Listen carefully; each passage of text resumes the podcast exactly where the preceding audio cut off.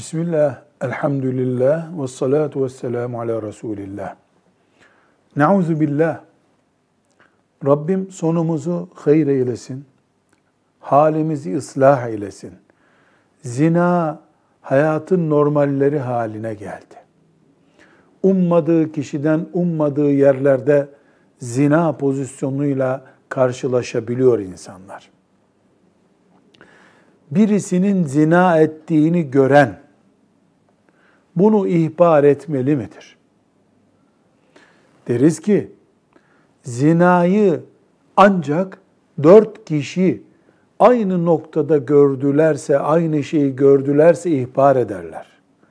Bir kişi, iki kişi, üç kişi ihbar ettiği zaman bu onun vebali durumuna dönüşebilir. İhbarcı ceza alabilir. Dini açıdan tabi söylüyoruz.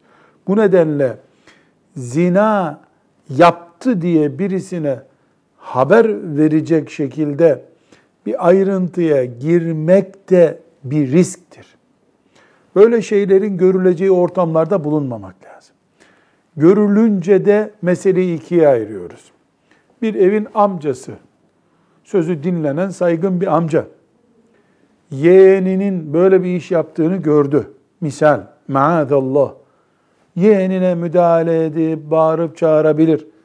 Babasıyla yani o zina yapanın babasıyla oturup senin çocuğun şöyle yaptı aman dikkat edelim beraber düzeltelim diyebilir. Eğer aile içindeki ağırlığı bunu kaldıracaksa, bunun dışındaki zinayı görenin ihbarı olduğu gibi risktir. Velhamdülillahi Rabbil Alemin.